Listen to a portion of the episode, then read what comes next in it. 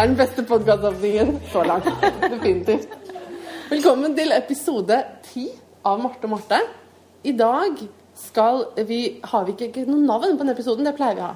Ja, vi har et navn, og den heter Live at Norsk Trikotasjemuseum. Ja. Live at Norsk Trikotasjemuseum.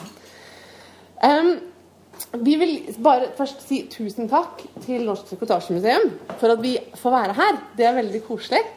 Um, og så skal vi begynne med å fortelle kort om oss og hvorfor vi har en podkast. Hvordan vi møttes. Kanskje er den beste tingen å begynne med. De som eventuelt har hørt på podkasten vår, de har hørt den historien før. Men uh, den er ganske spesiell. Når var det? 2002.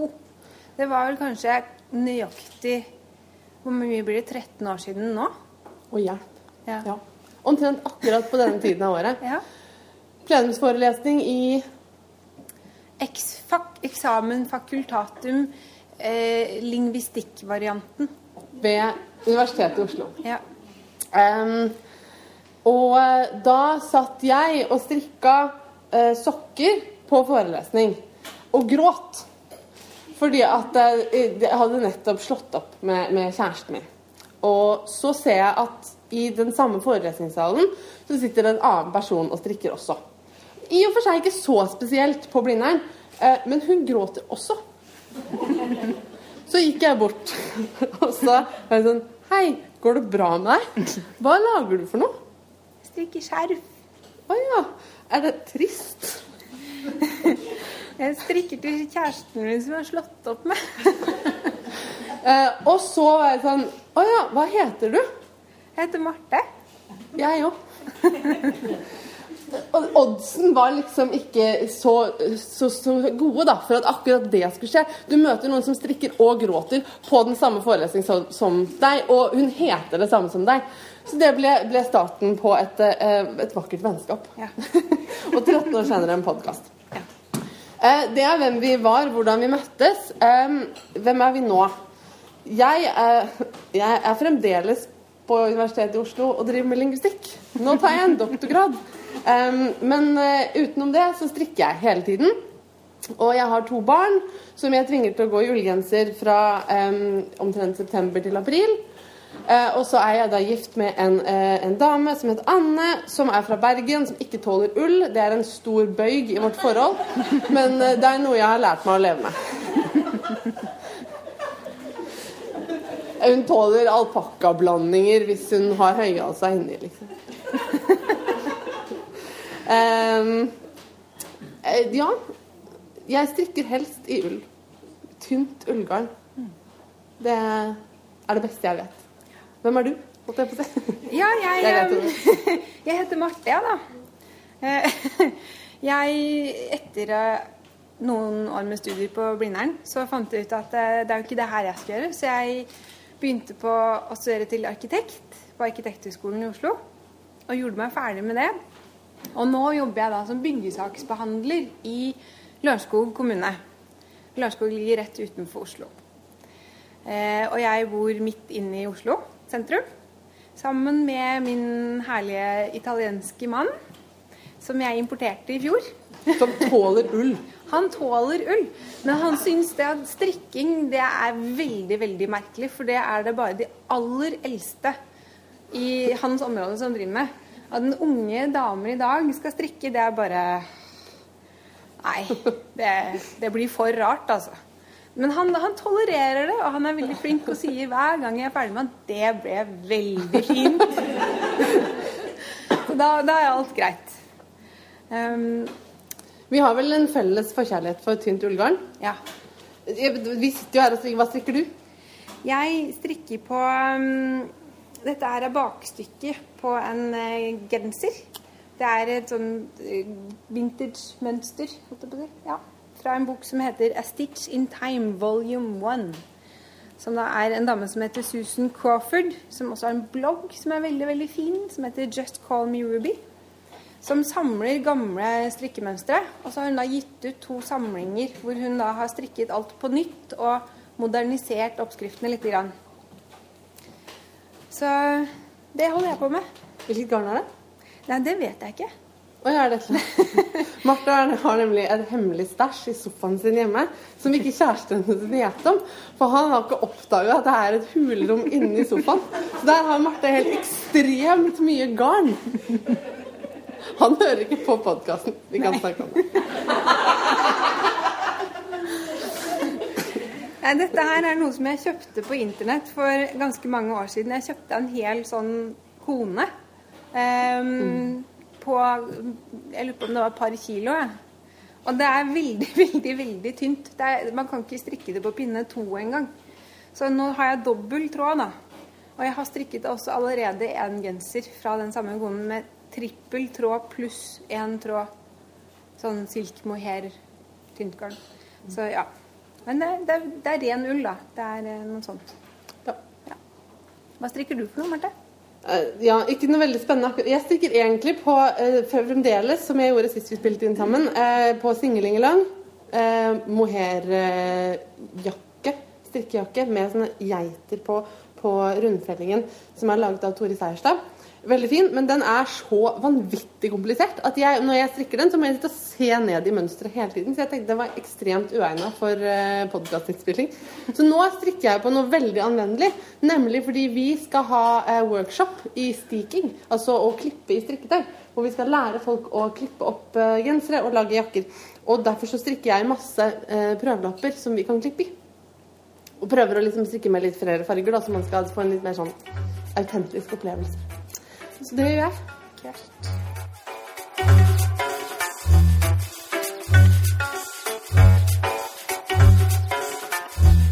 Vi skal snakke om to temaer i denne podkasten. Um, og vi tenkte vi tar en liten pause mellom, sånn at vi får henta oss uh, noe mer å drikke. Uh, alle sammen, dere og vi. Det første vi skal snakke om, det er uh, strikking. som i Er det trendy? Strikkebølgen. Altså, Jeg føler at veldig mange spør meg, særlig da når jeg sier at jeg har en podkast om strikking, så sier de å ja, det er veldig, veldig trendy med strikking for tiden. Er det ikke det? Har du fått høre det? ja, jeg har fått høre det mange ganger. Jeg eh, har også jobba i en strikkebutikk i Oslo som er en del av liksom, det trendy strikkegreiene. Jeg jobbet på Pickles. Og der var det mange som eh, nettopp hadde oppdaget strikking, som kom inn og mente at dette måtte være veldig trendy. Og når jeg hører ordet trendy, så blir jeg Det er liksom å høre negler på en tavle. og det, det, er ikke fordi jeg ikke liker å være trendy, for jeg må jo egentlig innrømme at jeg, jeg er jo altså forfengelig som alle andre. At jeg, jeg liker å være trendy også av og til. Men akkurat strikking, det rører noe mye dypere i meg enn akkurat liksom mote eller ja, hva som er riktig å gjøre akkurat i høst. Ja. Min overskrift i, i mitt manus her, der står det 'trendy' eller bare innmari norsk. Ja. For det eh, eh, Altså, jeg føler at Jeg lærte å strikke av min bestemor da jeg var eh, ganske liten. Jeg husker ikke hvor liten, men jeg kunne i hvert fall strikke allerede da vi lærte det på skolen. Um, og så har jeg strikka og lært litt mer av mamma etter hvert. Og sånne ting Og jeg har strikka alltid veldig mye, men kanskje spesielt mye siden jeg var sånn 16 omtrent. Og da var den typen reaksjonen jeg fikk. Da strikka jeg liksom på skolen i timene og ditt og datt. Og da fikk jeg høre Det var veldig mye sånn Oi, du strikker så rart og morsomt, liksom. Mens nå føler jeg at det er mye mer sånn Oi, så kult. Og jeg har fremmede mennesker har begynt å diskutere norsk strikketradisjon med meg på bussen. Og også spørre sånn Å, er det det og det mønsteret, liksom? Og gjenkjenne det du sitter og strikker på. Og det er litt spesielt, syns jeg. Pluss at jeg syns du ser det i gatebildet. At folk har på seg mye strikka, rett og slett. Så jeg, jeg syns egentlig man kan, forsvare å kalle det en strikkebølge. Det er også sånne ting som at dette arrangementet I Oslo har vi fått Strikk og lytt på biblioteket, hvor man kan bli lest høyt for å strikke. Eh, det kommer strikkefestivaler rundt omkring. Eh, jeg syns det blir mer og mer sånne ting. Så jeg føler vi surfer på en eh, strikkebølge, for å bruke den metaforen. Um, jeg, har, jeg, følger jo litt eh, andre podkaster fra andre land, eh, spesielt Storbritannia, Sverige og eh, USA. Og det er jo den samme typen sånn trend der. Men jeg føler at det er litt annerledes enn i Norge allikevel. Jeg var på Ørland i sommer, og da snakka jeg med ei som heter Karin Øberg, som er lingarnsprodusent.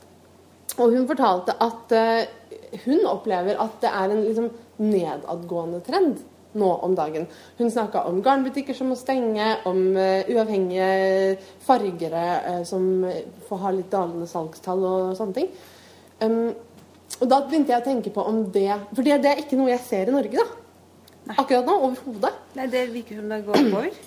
Ja, og da tenkte jeg at det kanskje det har noe å gjøre med at jeg, Eller jeg syns når jeg ser på de strikkebloggerne jeg følger og sånne ting i Sverige og, og til dels andre land, da, at det er mye strikking som på en måte passer inn i motebildet generelt. Skjønner du hva jeg mener? At, man, at, det er en strikkemote. Uh, mens at den norske tradisjonsstrikken er jo så veldig synlig i den strikkebølgen som er i Norge nå.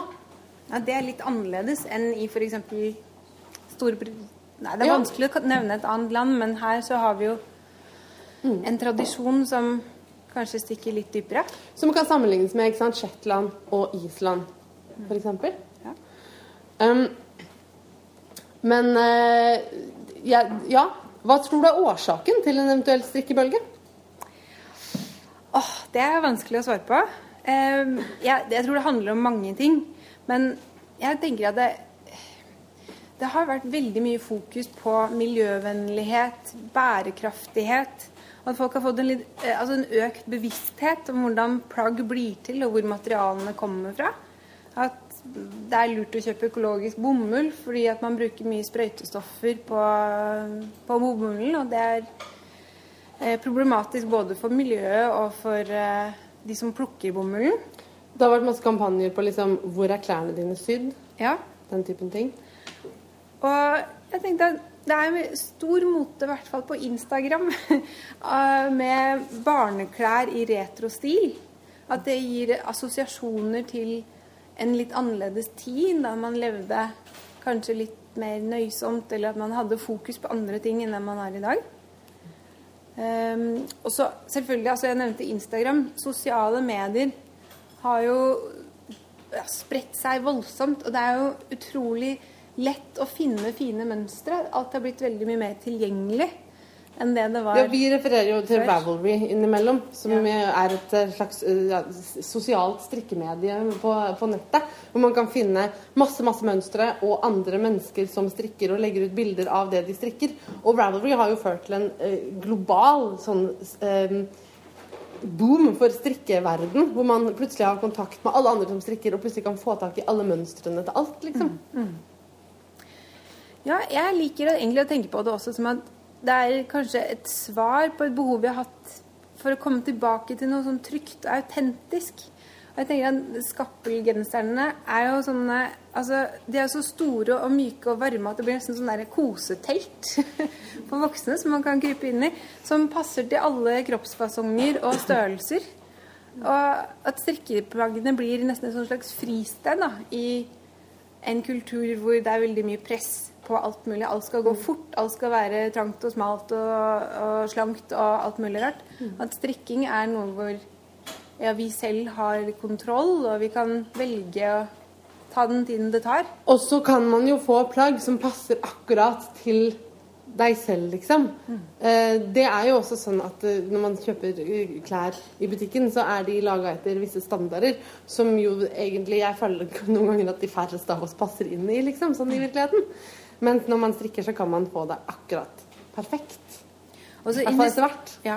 og så investerer vi jo voldsomt mye av oss selv i det. Så det ender opp med at i hvert fall jeg da tar veldig mye bedre vare på de klærne jeg strikker selv, enn på de jeg kjøper. Også ofte fordi det jeg kjøper, går i stykker. I hvert fall på Hennes og Maurits f.eks. Hvis man kjøper en bomulls-T-skjorte der, så syns jeg ofte det er hull i den etter et halvt år, kanskje. Og da syr jeg jo ikke igjen det hullet. Sånn som jeg kanskje burde. Ja, det burde du. ja. Jeg går med hullete klær, da. ja, men, sant? men du lapper, du lapper eh, det du har strikka. Ja. Nøye, sånn at det blir pent. Ikke sant? Ja, ja, ja. Mm. Er du gæren? Det, det, er jo liksom, som du sier, vi strikker jo ikke av nødvendighet lenger. Eh, Norge er jo et kaldt land, så en gang i tiden så gjorde man jo det. Eh, og bare sånn eh, Rocken min eh, har jeg arva etter bestemor. Den ble laga til henne da hun begynte på husmorskolen. Og når mamma husker fra hun var liten, at hver høst så kom hennes bestemor, min oldemor, eh, til dem i Oslo, og så eh, spant de ull som hun da hadde med seg, og ulla etter Colin til mamma. Eh, altså Bikkja? Ja. Eh, dette tror jeg jeg fortalte på poden før. At mamma hadde liksom opplevelser med sånn eh, hundesokker. Og gå på besøk til venninner med hund som bare kaster seg over. Jeg driver med samme prosjektet nå for øvrig. Jeg har en uh, toller som jeg driver og samler pelsen til. Så jeg tenkte en, jeg skal strikke noen bikkjesokker. Uh, men jo, ikke sant. Det er jo ikke så lenge siden min mor var liten. Og da var det fremdeles litt sånn derre Hver høst så spinner vi. Fordi vi trenger garn, liksom. Men nå kan vi jo kjøpe De fleste kan kjøpe det de trenger på butikken. Så det er jo ikke derfor vi strikker. Og så er det jo noe med at hvis vi begynner å regne på garnpriser og eh, sånn, og tidsbruken og de tingene Spesielt billige plagg, de, eh, de tingene vi har strikka. Men som du sier, da, så tar vi jo bedre vare på dem. Hva med Vi sitter jo i en trikotasjefabrikk. Kjøper du noen gang strikka plagg, Marte? Nei. Nei. Fordi jeg, jeg ser fine plagg i butikken, og så tenker jeg den kunne jeg strikka sjøl. Og så går jeg med nei. Ja. Og så kommer jeg aldri til å strikke det selv. Nei. Nei. For man rekker jo ikke å strikke alt, ikke sant? Nei. Nei, jeg har noen kjøpestrikkeplagg som jeg ikke har kjøpt selv, men som jeg har fått eller hatt lenge. Um, men jeg syns det er litt flaut å gå på dem, fordi hvis noen spør om jeg har strikka det selv, så må jeg si nei. Og jeg bare, strikking er så veldig stor del av identitet. Så jeg bare liksom svekker min troverdighet som strikker. Jeg var faktisk veldig stressa. Jeg, jeg er eh, ikke bare i Bergen nå for å være her. Jeg er her for å besøke litt svigerfamilie, vært en tur på fjellet og sånn. Og så var det vel omtrent når vi dro fra, fra Hardangervidda og ned til Bergen, hvor jeg kom på at nei, guri, jeg skal jo på jeg skal podde på Norsk eh, Trikotasjemuseum. Og jeg har bare pakka klær som om jeg skulle gå i fjellet og være på besøk hos svigers, liksom. Så jeg har med meg sånn grov ullgenser til å gå i fjellet med og sånn. Men jeg har jo ikke tatt med meg masse strikketing. De kommer jo ikke til å ta meg på alvor som strikkepodkaster hvis jeg kommer uten noen strikketing. Så jeg vil bare henlede alles oppmerksomhet mot føttene mine. At jeg har veldig, veldig pene raggsokker på meg. Og, og sjal. Det det, det var det jeg klarte å stille opp med i dag. Mens Martha har jo strikka kjolen sin, f.eks. Eh, ja. Så jeg tror du har, har litt mer eh, strikkekred enn meg her i Den her tror jeg jeg holder for oss begge. Det er faktisk egentlig plass til oss begge inni. Ja, det er, det er Porsche poncho-kjole, for de som ikke Ja, ser den akkurat nå. Ja. Um, men jo, vi sa noe om eh, fabrikkstrikk og håndstrikk. Det er jo også noe med føler jeg, altså når jeg, var jeg litt flåsete og sa sånn at det, det svekker jo min, eh, min uh, eh, troverdighet som strikker. Men det er også noe med at når man går med håndstrikka klær, det er litt spesielt. Altså enten det er jeg som har strikka det, eller mamma eller bestemor eller eh, du eller noen andre, så er det jo noe med at å, den kjærligheten, den tiden som ligger i det plagget. Ja. Det er jo derfor det er spesielt gøy å gi bort strikka ting til folk som strikker selv. For de skjønner hvor utrolig mye jobb det ligger i det. Å ta på seg et par eh, strikka votter om vinteren når man er skikkelig kald på hendene, det det er som å ta på seg kjærlighet. Ja. Det er en annen person som har sittet der og- pirka i mange timer. Og vi har snakka litt om et, eh, et litt sånn trendbegrep da, eh, på denne podkasten før, nemlig egostrikk. Ja. Eh, Og egostrikk, det, er, altså, det betyr altså det at man strikker ikke fordi man må, fordi at ellers så fryser familien din, eller fordi at noen betaler deg for det, men fordi man har lyst, og gjerne til seg selv, eller at man strikker fordi man har lyst til det. At man strikker akkurat det man vil. Um, og det er, Pickles har jo akkurat gitt ut et sånt hefte som heter Egostrikk. Og det har vært mye snakk om egostrikk som en uh, bra ting. Vi var vel egentlig litt sånn skeptiske til hele termen, for vi var litt sånn Fins det noen annen type? Hvorfor ellers strikker man, liksom? At man vil det for sin egen del? Ja, men det, det, altså det var jo litt sånn lingvisten i oss som kom fram. Ja. Jeg er jo ikke egentlig lingvist, men det var ordet jeg hang meg opp i der. Ja. At når man kaller det egostrikk, så virker det så veldig negativt. Ja, for det er ingen som kaller det egofotball bare fordi at du spiller fotball fordi du har lyst til å spille fotball. Altså, det er jo en hobby, det er jo noe man gjør fordi man vil. Egofotball er noe helt annet. sant? Det er når man ikke passer ballen eller noe sånt. Egofotball, vet du hva det er? Det er når man sitter og ser på fotballkamp både på tirsdager og onsdager. ja. Og klager over at noen strikker mens man ser på film fordi det klirrer. Det har jeg ikke hørt. Nei, det er bra. Det er bra, det, det er bra. Det sier mye pent om, eh, om eh, Robbie. Mm. Men eh, jo, verdien av noe håndstrikka Jeg tenker at på en måte det å gå med håndstrikka ting handler også om å vise fram det håndverket. Um, fordi strikking er jo et fantastisk håndverk, og ofte føler jeg kanskje en um, litt undervurdert kunstform. Altså et håndverk og, og kunst. Som jeg, Dette er jo jeg, min feministkjepphest, at jeg mener at uh, kvinnesysler, altså tradisjonelle kvinnesysler, ofte blir nedvurdert. Sånn at eh, treskjæring blir stor kunst, mens eh, vottestrikking det blir enten nødvendighet eller tidsfordriv, alt ettersom hvilken uh, klasse du tilhører. Um, om du liksom eh, er arbeiderklassekvinne og strikker til familien din, eller om du er overklassekvinne og strikker for å få timene til å gå. Eh, Men det er, det er jo ikke helt sant heller, for i strikkebølgen vi er i nå, så føler jeg jo at, at håndstrikka blir verdsatt. På en Ja. annen måte enn før, kanskje. Ja, ja, men Som er en god ting. ja, det tror jeg helt sikkert. Men jeg tror også at kommer man med en setesdalskofte eller et par flotte selvbevotter, så tror jeg de aller fleste skjønner at her ligger det mye arbeid og Ja, Det er jo tror du de vakre, skjønner hvor mange design. timer det tar? Nei, det tror jeg ikke. Det tror de tenker at det tar litt tid. Ja. Men, eh, men, eh, men jeg tror de fleste skjønner liksom at dette her er noe som Det har litt tyngde i seg, da, kanskje, de mønstrene. Det er både tradisjon og historie og litt av hvert. Også fordi at vi kjenner det igjen som sånn uh, symbol på det norske. Ja. Ja. For det har det jo blitt. Ja. Marius-mønstre og tjohei som man finner på matpakker og termoser og alt mulig. Ja.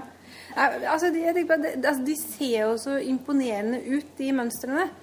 Der, der tror jeg folk kan lese i det de ser, at dette er litt avansert. Men det er også noe av det jeg syns er veldig flott da, med den strikkebølgen, kanskje man kan si. at Med tilgangen på mønstre så blir det også flere og flere litt kompliserte mønstre tilgjengelig, kanskje. At eh, Jeg husker på eh, en eller annen forelesning på forberedende som vi gikk på da, så var det en eh, foreleser som eh, fortalte at eller, eh, ja, En teori er det kanskje. At samfunnet og befolkningens intelligens ikke utvikler seg i liksom sirkulære sykluser, men i spiraler. Så at vi hele tiden akkumulerer Altså, ja, intelligens. og ikke lineært, eller kunnskap. Ja.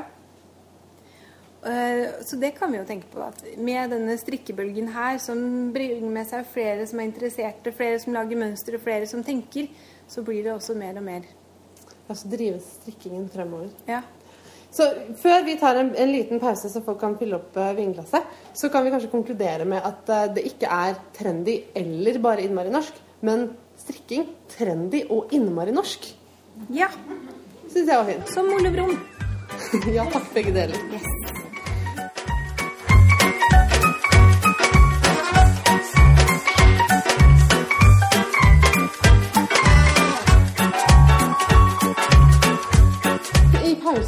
Så har vi snakka litt om trikotasje. For vi er jo på Norsk Trikotasjefabrikk, og vi ble opp, gjort oppmerksom på, da, som vi egentlig visste fra før veldig godt, at eh, det er jo ikke sant at jeg, det eneste jeg strikka jeg har på meg, er sokkene mine. For alt, Jeg sjekka nå da i pausen, og alt jeg har på meg, inkludert underbukse og bh, er faktisk strikk. Men det er jo da maskinstrikk med eh, tynn, tynn, tynn, tynn tråd. Men eh, selvfølgelig. Det, og den typen maskinstrikk, den kjøper jeg med god samvittighet. Jeg setter meg ikke ned med nåler og strikker med sytråd for å strikke meg en underbukse. Det Så langt har det ikke gått ennå. I hvert fall, i hvert fall ikke ennå. Vi skal snakke om det eh, som Torunn Christoffersen ba oss på, om på Facebook. Om vi kunne snakke litt om restegarnsprosjekter. Det er jo et evig eh, sier, problem i gåseøyne for strikkere, dette restegarnet. Eh, vi kan ta en kjapp sånn, statistisk undersøkelse her. Opp med en hånd, alle som har restegarn hjemme. Det var alle. Det var alle. Eh, opp med hånda Dette er også mer interessant. Opp med hånda alle som har et påbegynt restegarnsprosjekt. Det var ikke alle, men det var, det var noen hender det, det, og et restegarnsprosjekt som kom opp i været. Det er flott. Um, Eh, restegarnsprosjekter. En kort definisjon. Et prosjekt der du ikke trenger å kjøpe nytt garn, eller åpne nytt garn fra ditt garnlager i den hule sofaen, f.eks. Eller hvor enn du har garnet ditt. Um, altså et prosjekt der du bruker garn som er over fra tidligere prosjekter. Um, jeg tenkte jeg skulle fortelle dere om eh, mitt restegardsprosjekt. Som kanskje er verdens dårligste restegardsprosjekt noensinne. Uh, jeg strikka en genser i Rauma Puno. Um, og så ble det over masse masse garn. Det blir det alltid når jeg strikker genser. For jeg er så redd for at jeg skal gå tom, og så er det ikke mer igjen av det fargebadet. Og så, uh, hva skal jeg gjøre? Jeg har ikke nok garn. Så jeg kjøper altfor mye. Og så samtidig som jeg strikka den eh, genseren, så var det en venninne av meg som strikka i samme type garn, eh, babyteppe. Og det ble så fint. Um, så da tenkte jeg For Raumapuno er litt sånn tjukt. Det er en ull-alpakka-blanding. Hun strikka det på skikkelig tjukke pinner. Jeg tror det var pinne sju. Og bare rillestrikk fram og tilbake. Men det ble sånn innmari godt babyteppe. Så tenkte jeg kjempelurt. Jeg strikker teppe av restene. So far, so good.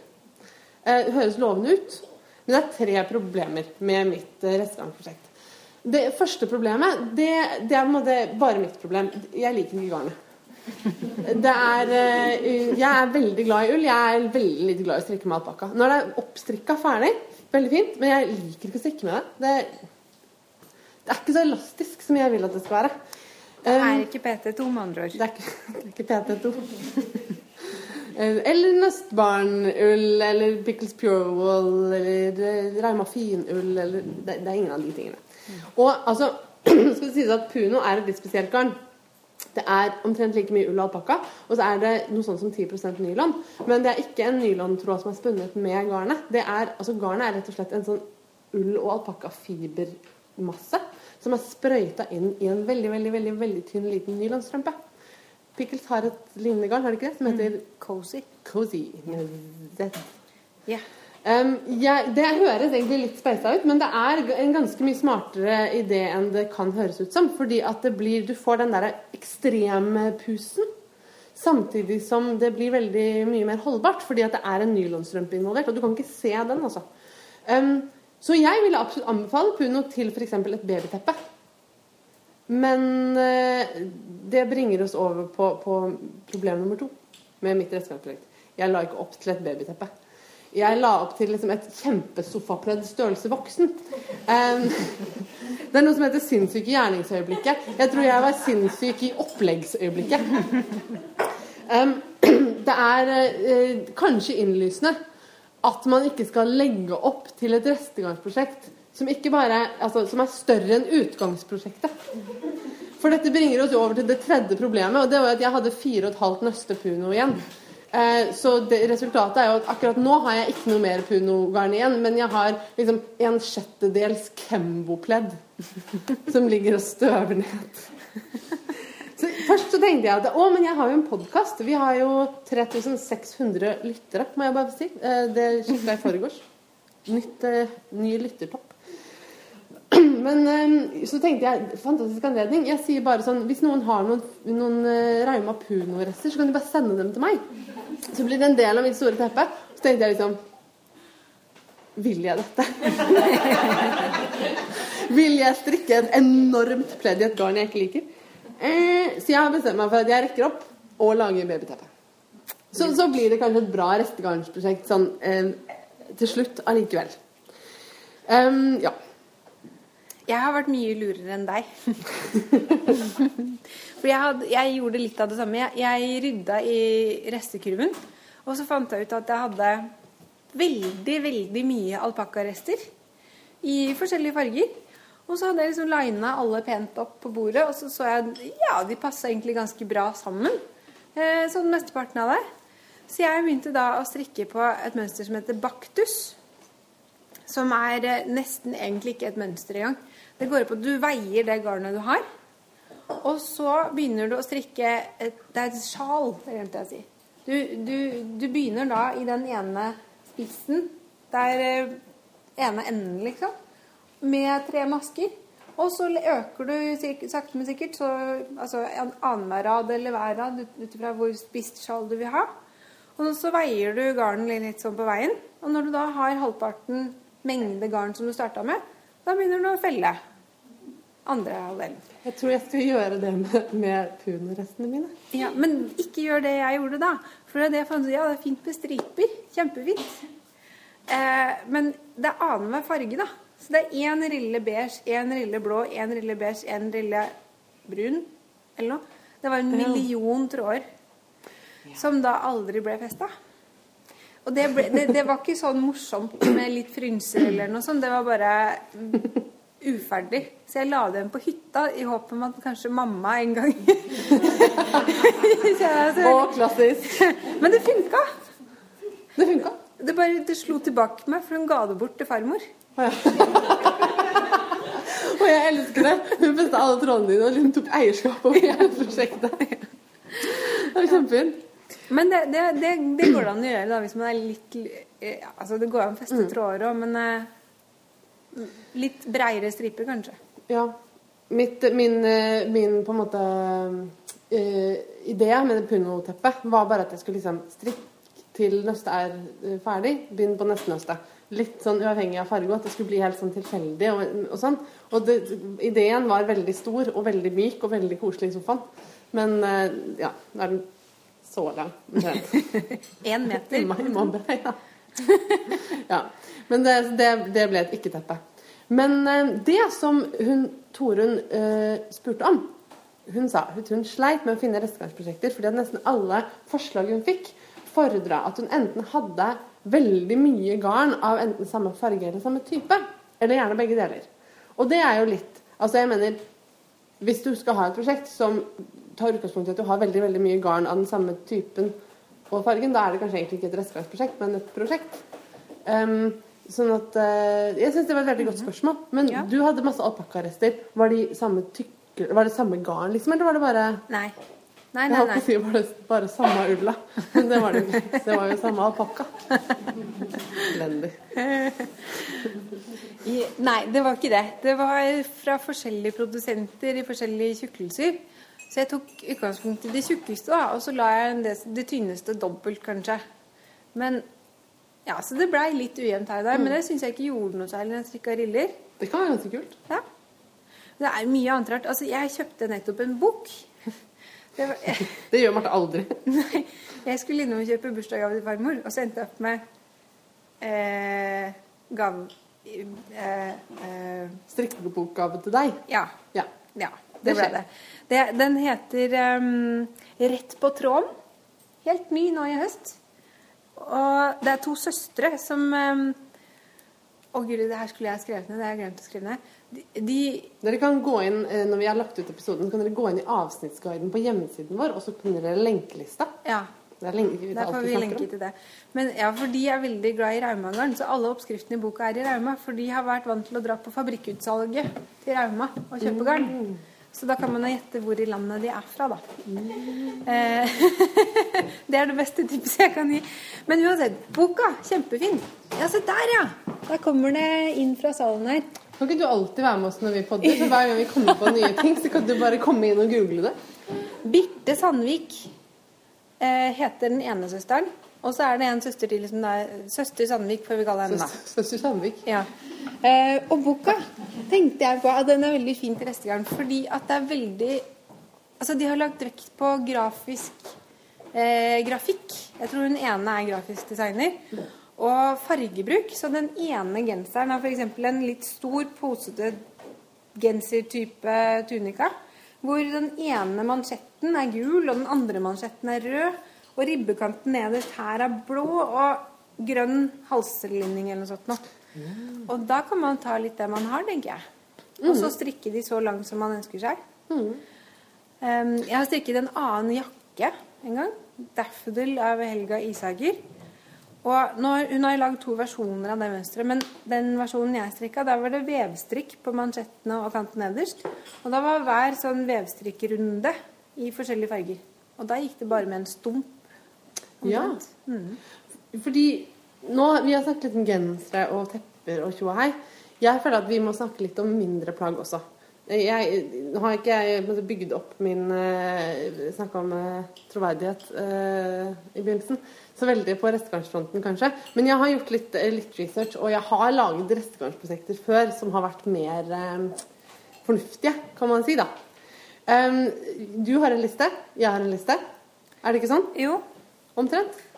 Um, jeg tror de er like. Er de, antageligvis. De pleier å bli litt lignende. Men vi tar, uh, sier litt annenhver ting, tenker jeg. Ja. jeg. Jeg holder meg litt på teppet. Jeg synes at, uh, altså Det er jo et klassisk restegarnsprosjekt. Uh, Oldemorsruteteppet. Ja. Uh, det finnes nok ganske mange sånn, strikkekurver, skap, uh, kofferter rundt i landet og verden med liksom 16 sånn oldmorsruter. Sånt, som aldri ble montert sammen. Jeg er veldig fan. Jeg har ennå ikke klart å finne noen som helst sånn sammenmonteringsmåte for lapper i lappeteppet som ikke bare får meg til å få litt sånn lett angst. Jeg har laga ett lappeteppe. Det ga jeg Anne til jul. Tre år på rad. Det, det skulle være ferdig det første jula, men da fikk hun bare lappene i en pose, så jeg rakk ikke å montere det. det sånn, Dette blir et veldig fint pledd. Eh, du får det, neste, du, du får det etter jul. Over jul. Jeg skal gjøre det i romjula. De gjorde ikke det. Neste jul så fikk hun det sammenmontert, men det mangla kant rundt. Eh, tredje jul, da fikk hun det med kant rundt. Nå er det i stua eh, og i bruk. Så det er også en fin måte å, å gi gaver som varer. Eh, gaver du kan gi over lang tid. Den, ja, den klassiske oldemorsrutta syns jeg er veldig fin. Og så fins det en annen som heter African flower. Også, dette er jo ikke strikking, men hekling. Um, men som jeg syns er veldig fin. Så jeg, i, mine, i min, mine, drømmer så skal jeg hekle uh, no, et eller annet lappeteppe i da sånn halvtynn ull som jeg er så glad i. Hvordan ser de African flower-rutene ut? De, veldig, de, har en blomst, overraskende nok. Og så kan man enten ha bare blomsten, eller så kan man på en måte bygge den ut til en firkant rundt blomsten. Og så har jeg sett mange som lager f.eks. innmari kule kosedyr av African flowers. Altså at man lager uh, stuffed toys um, av Kosedyr? Ja, kosedyr. Ja. Uh, flodhest. Må, dette må vi lage en fantastisk lenkeliste på. Ja. Det finnes en innmari kul flodhest. Jeg har sett um, andre dyr, en apekatt, hvor liksom ørene også er hver sin sånn African flower. Veldig fint. Mm. Da, jeg tror, Apropos tepper, da må jeg kanskje også skyte inn en historie fra min familie. da. Um, pappa, pappas lureteppe er eh, et begrep i vår familie. Eh, det var det oldemor som laget. Og det lever fortsatt, men det har jo da Altså, oldemor døde vel før jeg ble født, tror jeg. Så det teppet er jo da mer enn 30 år gammelt. og mm, det består da altså av små ruter, som jeg tipper er kanskje 3 ganger 10 cm. Som jeg strikka alt mulig slags forskjellig garn, og alle mulige slags forskjellige farger. Og ingenting av det passer sammen. Og det er omtrent en sånn dynestørrelse, da. Og det ble da brukt til å ta seg en lur med. Altså ja, så det er lur, lureteppe som i liksom lur. Ikke, jeg tenkte det var sånn snikende ullteppe. Et teppe du gjemte snop under, eller noe sånt. Nei, det, når du skal ta deg en lur, Marte, det, ja. det betyr å sove. Ja, ja mm. jeg skjønner. Ja. Eh, men så, så, utviklet det seg til å bli pappas vinterteppe, som da han hadde oppå dyna hver vinter. Og hver gang mamma prøvde å ta det teppet av for å ja, Det høres litt ekkelt ut, altså, men for å få vasket det, f.eks., så ble det bare Nei, det, det, det, går ikke. Det kan vi ikke gjøre. Hun prøvde faktisk å kaste Man trenger ikke vaskehull, man bare lufter det litt. Ja. Og hun prøvde til og med å kaste det et par ganger. For at det, når den liksom er velbrukt over mange tiår, så er det liksom ikke eh, ideelt lenger, kanskje. Men jeg syns at det teppet har bare blitt penere og penere og penere fordi at det er så elsket. Så det er et tips. Lag et lureteppe. Trenger ikke være pent. Nei. Jeg syns det er veldig fint med liksom masse forskjellige typer garn i et teppe også. Det kan være veldig kult. Mm. Um, og babyteppe, som jeg allerede har sagt flere ganger, det er, da trenger du faktisk ikke veldig mye garn. Mm. Sjal trenger ikke veldig mye garn. Jo, du trenger masse garn til et sjal, Marte. Ikke et lite et? Ja, babysjal, kanskje. det er noe som heter cholette, har jeg sett. Ja. Men, men de, de grenser til ubrukelig. Jo, men hvis du kjøper så mye garn hver gang du skal strikke genser som jeg gjør, da kan du strikke sjal av restegarn. Hvis du strikker striper i sjalet, kanskje. Eller la være. Det, går fint. Jeg kan stikke sjal av, av det puno-garnet. Det går helt fint, men jeg vil ikke. Um, flere ting på lista. Jeg syns at restegarnsokker er en fin ting. Um, da er det jo litt sånn at det er ikke alt garn som egner seg for sokker, men det går også an å strikke skaft. Og så kan man strikke selve foten, som er den biten som blir slitt, i et sokkegarn. Som tåler litt mer slitasje. Man kan strikke votter hvor mansjetten har eh, noe annet, eller en stripe. Eller at en del av mønsteret i votten kanskje har en annen farge. Ja, og hvis man strikker selve votter, så trenger man jo ikke nødvendigvis liksom veldig Man kan jo strikke mønstre av, eh, av andre garn. Restegarn. Ja. Det kan til og med være ulike farger, sånn at fargen endrer seg oppover votten. Det er ganske fint. Eller hvis, det har jeg tenkt på mange ganger at jeg skal gjøre, men jeg har aldri gjort det. Hvis man strikker en helt enkel raglan-genser f.eks., så kan man strikke et lite felt med mønster. Så mye man har. Eller et, et belte, på en måte. En kant på armene og Ja. nederst, for eksempel. Babyklær, altså sokker f.eks., til spedbarn, bruker ekstremt lite garn. Eh, Det er kanskje dumt å gjøre hvis alt du har er liksom håndspunnet spælsauull. Stikke litt. Men, eh, men eh, da kan du Pingleunger.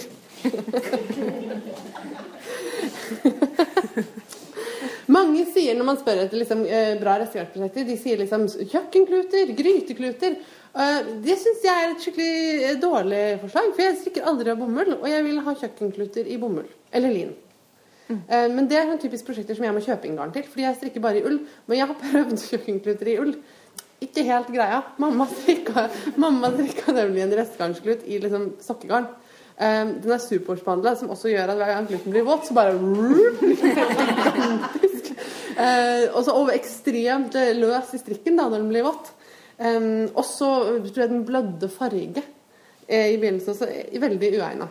Um, men hvis man er en som strikker i bomull eller lin, da kan man definitivt strikke kluter av restegarn. Um, har man barn, gi dem garnstumper, tenker jeg. Eh, eh, da jeg gikk på barneskolen, så lagde vi et eh, enormt fingerheklingsbilde. Som var kanskje to ganger to meter. Hvor vi bare fingerhekla garn, og så limete det i sånne snurrer. Fantastisk. Det var vakkert. Jeg tror vi var åtte år. Eh, men det, det tenker jeg. Gi barna restegarnet. Veldig fint. Ja. Har du flere ting på lista di? Nei. Jeg, altså jeg strikket den gangen babyjakke av restegarn. Men jeg tror kanskje det sier mer om mengden restegarn enn Ja. at det var rest... Altså, hva skal jeg si det? Ja. Jo, men det er typisk. Lite plagg. Man trenger ikke så mye. Nei. Nei, og der var det også vevstrikk, så det måtte delte Ja. litt på Jeg tenker at Hvis man er skikkelig skikkelig innbitt på å bruke opp alt, altså stumpene du klipper av når du har festa tråder, da kan du klippe det opp veldig veldig smått, og så kan du bruke det som stopping i de der eh, kosedyrene du lager av African flower. Ikke sant? eh, eller i lavendelposer. Og så blander du sånn ulloppklipp med lavendel. Og så, så lager du sånne små poser som du har inni ullgenserskapet, så du ikke får møll i, i strikkeplaggene. Det, var, det er ikke dumt, da, egentlig. Um, uh, man kan bruke uh, Man kan lage pompong, altså pomponger. Ja. Og da kan Man må jo ikke lage alle pomponger ensfarga. Der kan du jo på en måte surre inn en stump av eh, det man har, og så får du veldig morsomme pomponger. Da du sa det om oppklippet ull, så fikk jeg altså en assosiasjon som er veldig passende her, da, i litt sånn historiske lokaler. At oppklippa, opphakka ull ble brukt til å lage tepper. Shoddy. Gamle strikkegensere og plagg og sånn, som ble til tepper. Og det brukes jo fortsatt, eller lages jo fortsatt. Møbelstopp og Ja. Og da vi skulle få nye vinduer Jeg bor på en bondegård oppe i Sørkedalen Når um, nordvest for Oslo. Og vi fikk nye vinduer i fjor, og da måtte de bytte den bjelka under vinduet. Og når de dro ut den, så var det jo fullt opp med ull. For det har vært sauer på gården. eh, Det er det fortsatt. Eh, og det, det var liksom, der lå det ull, liksom saueull. Så det kan du også gjøre med, med hvis du har festa masse strå. Kan du bare stappe det inn i veggene som ekstra isolasjon. Jeg strikka en vindusorm en gang. som var når jeg bodde på hybel. Eh, trakk sånn fra vinduet, så strikka jeg en sånn eh, lang pølse. Um, og så Den f- var en orm, for den fikk sånn eh, øyne og tunge i den ene enden. Som jeg på en måte hadde bare liggende i vinduskarmen, sånn at det ikke skulle trekke sånn på vinteren. Var det det det var? Jeg trodde at det var Jeg trodde, jeg trodde det var pynt, jeg. Det var vindusormen! Dør, dørstopper. Nå kommer det nye ideer. Som bare.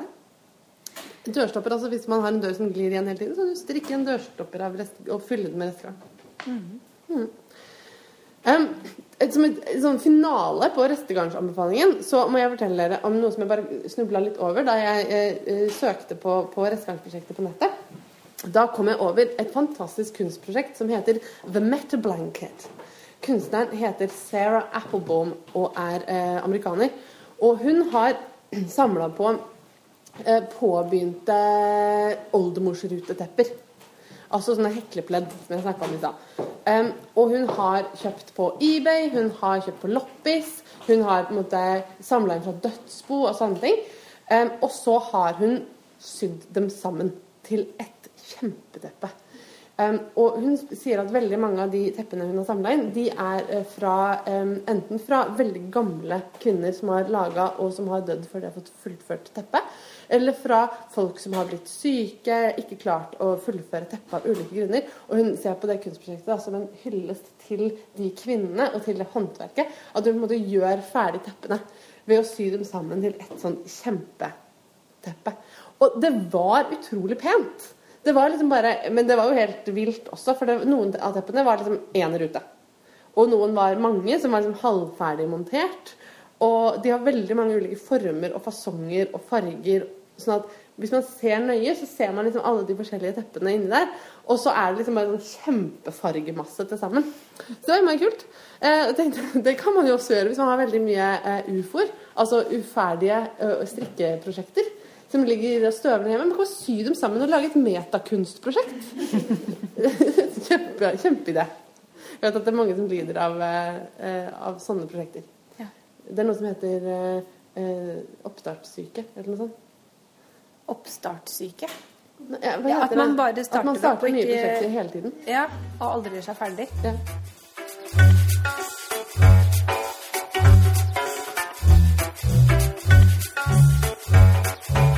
Haust, det rusker ute, med regn og kalde vind. Småfuglen flyg mot rute, og ville gjerne inn. Men under omnen god, der ligg på sekkepute, han gamle Mons i ro. Det var begynnelsen på 'Vesle med rocken' av Arne Garborg. Og jeg leser det fordi at, fordi at det er haust og rusker ute, så har vi satt i gang et eh, høst, en høstfotokonkurranse. Ja.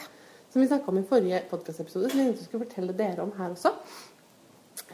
Det går ut på at egentlig så Vi har fått en eh, fantastisk premie. Det var sånn det begynte. Vi har fått et eksemplar av boka 'Eventyrvotter', som er skrevet av Vottelauget. Eh, en gjeng med damer som kaller seg for Vottelauget.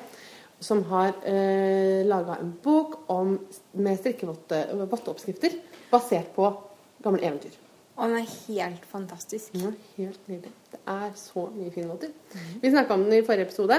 Det er Ann Myhre, bedre kjent som Pinneguri, som har gitt oss boka. Og hun har også gitt oss to nøster med Jameson Smith shetlandsgarn. Og vi har egentlig bare lyst til å beholde alt sammen selv, men det skal vi ikke. For vi skal gi det til noen. Men da har vi en eh, fotokonkurranse. Eh, vi vil at folk skal ta bilder som inneholder både høst og strikking. Og så vil vi at de skal emneknaggmerkes, med, altså hashtagges, med mønstre og mørketid. Nei, mønster. Ikke mønstre. Mønster og mørketid. Å ja. Hjelp. Det var godt du sa, da. Ja. Mønster Ja. og mørketid. ja. Yes, det var det. Og så vil vi gjerne at de skal emneknaggmerkes, eller hashtagges da, med mønster og mørketid. Eh, vi kårer en vinner 1. november. ja. Nå ble jeg usikker. Det får vi sjekke opp. Ja. Eh, Ja. Men enten på Instagram mm. Eller på Facebook-siden vår. Ja. Hvis man ikke har Instagram, f.eks. Um, men det burde man ha, for da kan man følge oss på Instagram. Vi legger ut veldig mye bilder av at vi strikker, og hva vi har strikka, og at jeg spinner og Sånne ting. Em, og så kommer vi til å uh, offentliggjøre hvem som er vinneren av høstfotokonkurransen når vi skal ha vår neste livepod, for dette er jo noe vi driver med for tiden. Vi, skal, uh, ha, uh, vi skal også spille inn pod live på Oslo strikkefestival den 7. november. Hvis noen er i Oslo-traktene da, så kom og, og hør da også. Vi håper at det blir bra oppmøte. Det ser sånn ut foreløpig i hvert fall. Eh, vi skal, det er også der vi skal holde den eh, workshopen jeg snakka om i stad, hvor vi skal snakke om stiking. Og vi skal holde folk i hånda mens de klipper i strikketøyet sitt. Kanskje for første gang. Noen syns det er litt skummelt. Jeg syns det er veldig gøy. Um, yes. Du, hvilken farge er det på de nøstene? Det har jeg tenkt mye på. De nøstene. Ja. Jeg tenkte kanskje egentlig ikke skulle si det, men Hæ? Ikke til meg engang. jeg kan si. Det er ett blått og ett litt sånn kremfarga. Åh, Jeg glemte at vi har opptakeren. Ja, OK. Kom igjen. Ja, ja. Ehm, vi har ikke noe mer på vår plan. Vi har spilt inn alt vi har sagt her, og dette er da episode ti. Og det som er litt morsomt, er da vi begynte å lage pod, så sa vi sånn Vi var veldig i tvil. Skal vi, skal vi lage strikkepodkast? Skal vi ikke? Ja, OK, vi kan prøve. Det er jo sikkert gøy. Vi lager ti episoder. Og når vi har lagd ti episoder, da, eh, da kan vi bare gi oss. Eller så ser vi liksom hvordan det går, da. Så hva skal vi evaluere? Skal vi slutte nå? Neste leken er god. Altså, jeg, nå sitter vi jo her, da. Ja. I, utenfor Oi, vi må jo i hvert fall lage en til, for vi har lov til å lage på det på Oslo strikkefestival. Ja, må- Ja, da må vi kanskje bare fortsette. Pluss at jeg, det er jo veldig hyggelig at vi har fått uh, masse, masse nye uh, abonnenter på podkasten i september. ja. Så eh, vi fortsetter litt til. Altså, vi hadde jo ikke sittet her. Hadde du tenkt før jul i fjor at vi skulle sitte her nå? Jeg hadde kanskje tenkt at vi kom til å få sånn kanskje 60 følgere. 30 som jeg kjente, og 30 som du kjente. Ja. Men jeg vet ikke hvem de 3600 er. Um, alle sammen, i hvert fall. Jeg vet om noen av de men ikke alle. Um, men flere og flere. Det er flere som stopper meg og sier sånn Hei, er du Marte? og sånn. De, de stopper ikke meg. Dere kan bare stoppe meg. Det er helt trygt. Det, tror, det, det, kan, være fordi jeg har veldig rar stemme eller noe. Fordi folk sier sånn Jeg kjente deg igjen på stemmen. Ja, ja. Det, Men- det er hyggelig i hvert fall. Det er veldig koselig. Vi Ja, blir veldig veldig, veldig, veldig glad. Ja. Og vi blir veldig glad for å høre fra alle som har hørt på oss. Og vi blir veldig glad for å være her. Dette var kjempekoselig. Tusen takk for at vi fikk komme hit i kveld. Og vi skal være her litt til og strikke litt videre, tenkte vi. Og nå skal jeg sjekke om vi husker det som vi lærte det begynnelsen. For nå skal vi ikke sant? Ha det norsk. Ja, ja, ja. Ha det norsk trikotasjemuseum! Ha det, Marte!